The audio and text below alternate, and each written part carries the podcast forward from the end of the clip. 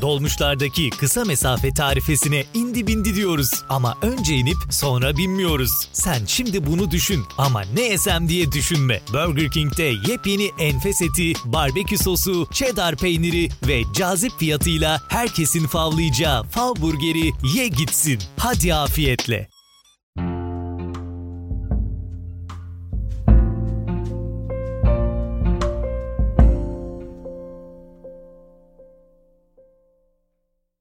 Çok kıymetli bir nevi biyografi dinleyenleri merhabalar.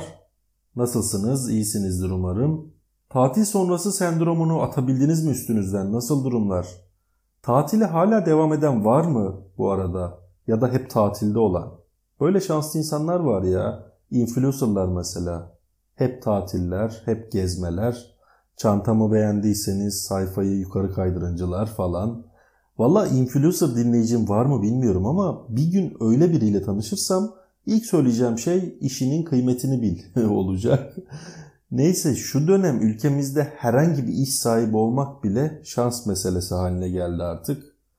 Yani kaydı yaptığım gün bugün 6 e, Ağustos tarihinde işte döviz almış başını gidiyor, altın, döviz, işte e, enflasyon, işsizlik, İnsanlar panik ve varyansın içinde. Umarım her şey düzelir. Yani yakın zamanda bırakın influencerları herhangi bir işi olana bile bunları söylemek durumunda kalacağız neredeyse.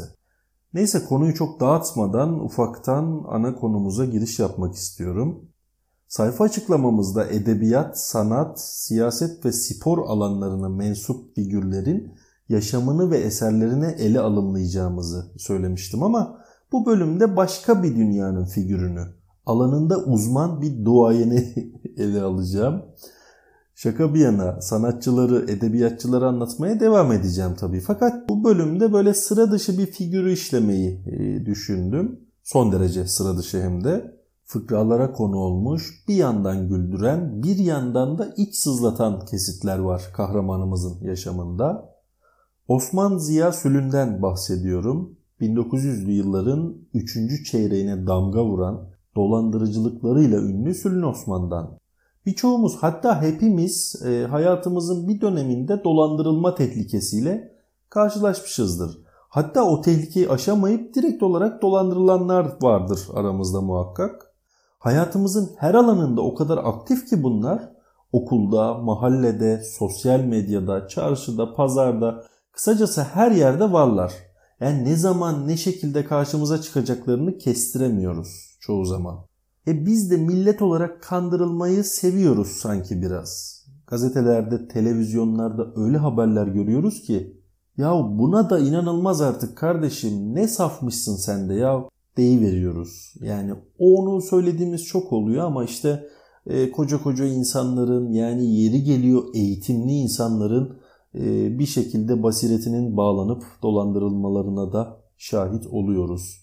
Telefonda kendini polis olarak tanıtanlar, işte savcılıktan arıyorum diyenler, Maldivler'de 3 ay bedava tatil kazandınız ama önce şu 5000 lirayı bir yatırı verin diyenler falan falan. Bunlar en bilindik yöntemler. Ülkecek bir tosuncuğumuz bile oldu artık. Tosuncuğu tanımayan kalmadı herhalde değil mi? Zavallı çiftçilerin paralarını zevki sefa içinde eziyor şimdi. Çevremizde bildiğimiz ne akıllı adamlar paralarını kaptırdı bunlara. Yazık. Dolandırıcılıkla ilgili benim duyduğum ilginç bir olay vardı. Bir arkadaşımın tanıdığı yeni bir işe başlıyor. İşte çağrı merkezi elemanı olarak.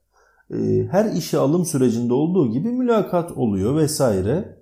Mal veya hizmet veren bir firmaymış herhalde. Detayını çok hatırlamıyorum. Bu arkadaş da telefonda satış yapacak bir nevi. Neyse kabul ediliyor işe. E, sonra çalışmaya başlıyor. 3-4 ay geçiyor. Her şey yolunda. Arkadaş satışını yapıyor, maaşını alıyor, sıkıntı problem yok. Normal mesaisine devam ediyor. Sonra bir vesileyle çalıştığı firmanın yani o kurumun dolandırıcı olduğunu ve herhangi bir hizmet veya ürün satmadıklarını öğreniyor. İşin ilginci bunu hiçbir çalışma arkadaşı da bilmiyor. Yani hepsi normal işteki gibi mesailerine geliyorlar, telefon görüşmelerini yürütüyorlar falan. Tabi durumu öğrenince işinden istifa ediyor bu arkadaş. İstifa etmeyip işine devam edenler de olmuş bu arada. Düşünsenize 3-4 ay bir işte çalışıyorsunuz. İş yerinizde işler o kadar düzgün ve normal ilerliyor ki salt gayesi dolandırıcılık olan bir yerde çalıştığınızı anlayamıyorsunuz. Sonradan anlayıp da işine devam edenlerin olması da e, ayrı bir terane. Artık onların vicdan muhasebesi. Neyse e, öyle bir figürden bahsedeceğiz ki bildiğiniz, duyduğunuz tüm dolandırıcıları unutun. Sülün Osman kimmiş, neler yapmış gelin birlikte bakalım.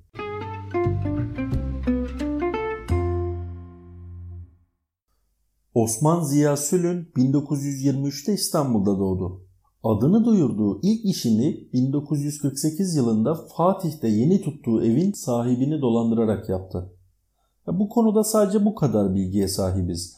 Ev sahibini ne şekilde dolandırdı, e, ne oldu bilmiyoruz ama nevi şahsına münhasır bir kişiliğe sahip olduğu için yani sadece kirayı vermemekle kalmamıştır tahminimce.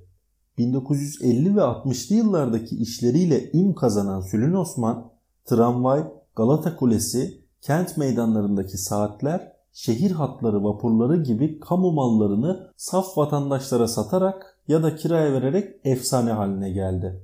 Şimdi birincisi e, Sülün Osman'ın kendi ağzından açıklaması var böyle geçmiş kaynakları taradığımızda.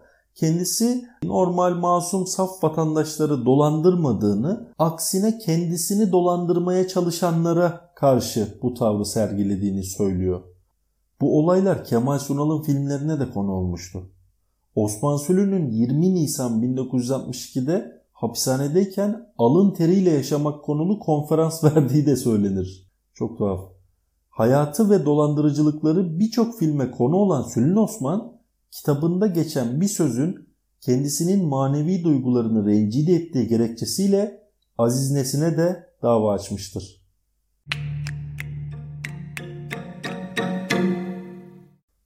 Sülün Osman Dolmabahçe Sarayı'ndaki saatin önüne gider. Kendi adamları planlanmış bir şekilde yanına gelirler ve Dolmabahçe Saat Kulesi'ne bakarak saatlerini ayarlarlar. Sonra da Osman'a yönelir, saat ayarlama parasını öder ve giderler. Bu karlı iş uyanık geçinen ve kısa yoldan zengin olma peşine düşen vatandaşların ilgisini çekiyor tabi.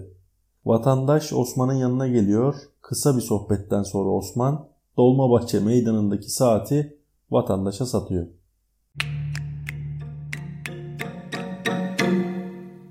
Taksim meydanına paspas serip oradan geçenlerden burası benim diyerek para alan Sülün daha sonra ne kadar kazanıyorsun sen buradan diyenlere komple Taksim Meydanı'nı satıyordu. Galata Köprüsü'nün satış öyküsü de Dolmabahçe ve Taksim olaylarıyla benzer. İnsanlar köprüden geçiyor, arkadaşları sülünek kurmacadan para ödeyince insanlar ne yapıyor bu adam diye sormadan gördüklerini yapıyor. Ve ardından Galata Köprüsü'ne de talip çıkıyor haliyle. Karlı iş. Daha sonra Türk filmlerine de konu olan bu olay Sülün Osman'ı yakalatan olaydır aynı zamanda. Galata Köprüsü'nü satan adam Galata Kulesi'ni es mi geçecekti? Tabii ki hayır. Sülünün mahkemede kendini şu sözlerle savunduğu söylenir. Kusura bakma hakim bey. Memlekette Galata Kulesi'ni satın alacak eşekler olduğu sürece ben bu kuleyi satarım.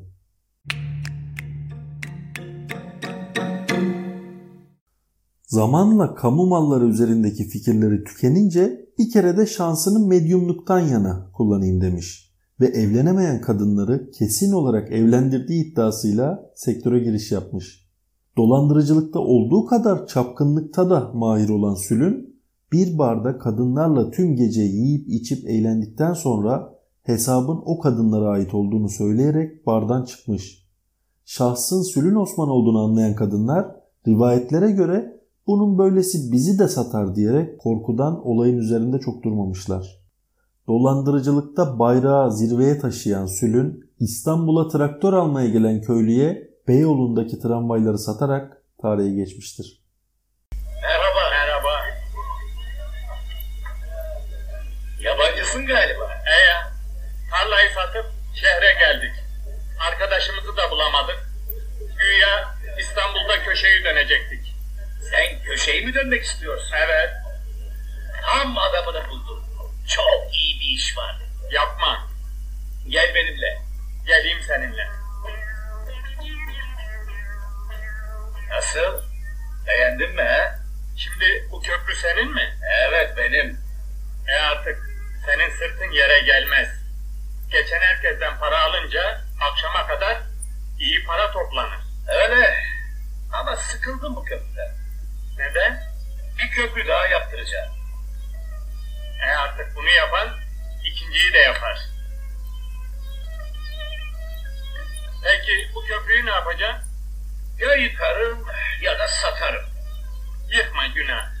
Eh, satarım. İyi sat gitsin. Sevdim seni be. Sana satayım mı? Vallahi mi? Vallahi.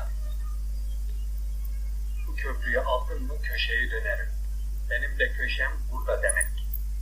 Kaça? Param var mı? 140 bin lira param var. Ver şu eli. Çık biraz daha çık. Vallahi o kadar var. Tamam anlaştık. Şimdi bu köprü benim değil mi? Ama birkaç ortağım daha var. Ucuza araba geçirirsen sen kazanırsın. İşin orasını sen bana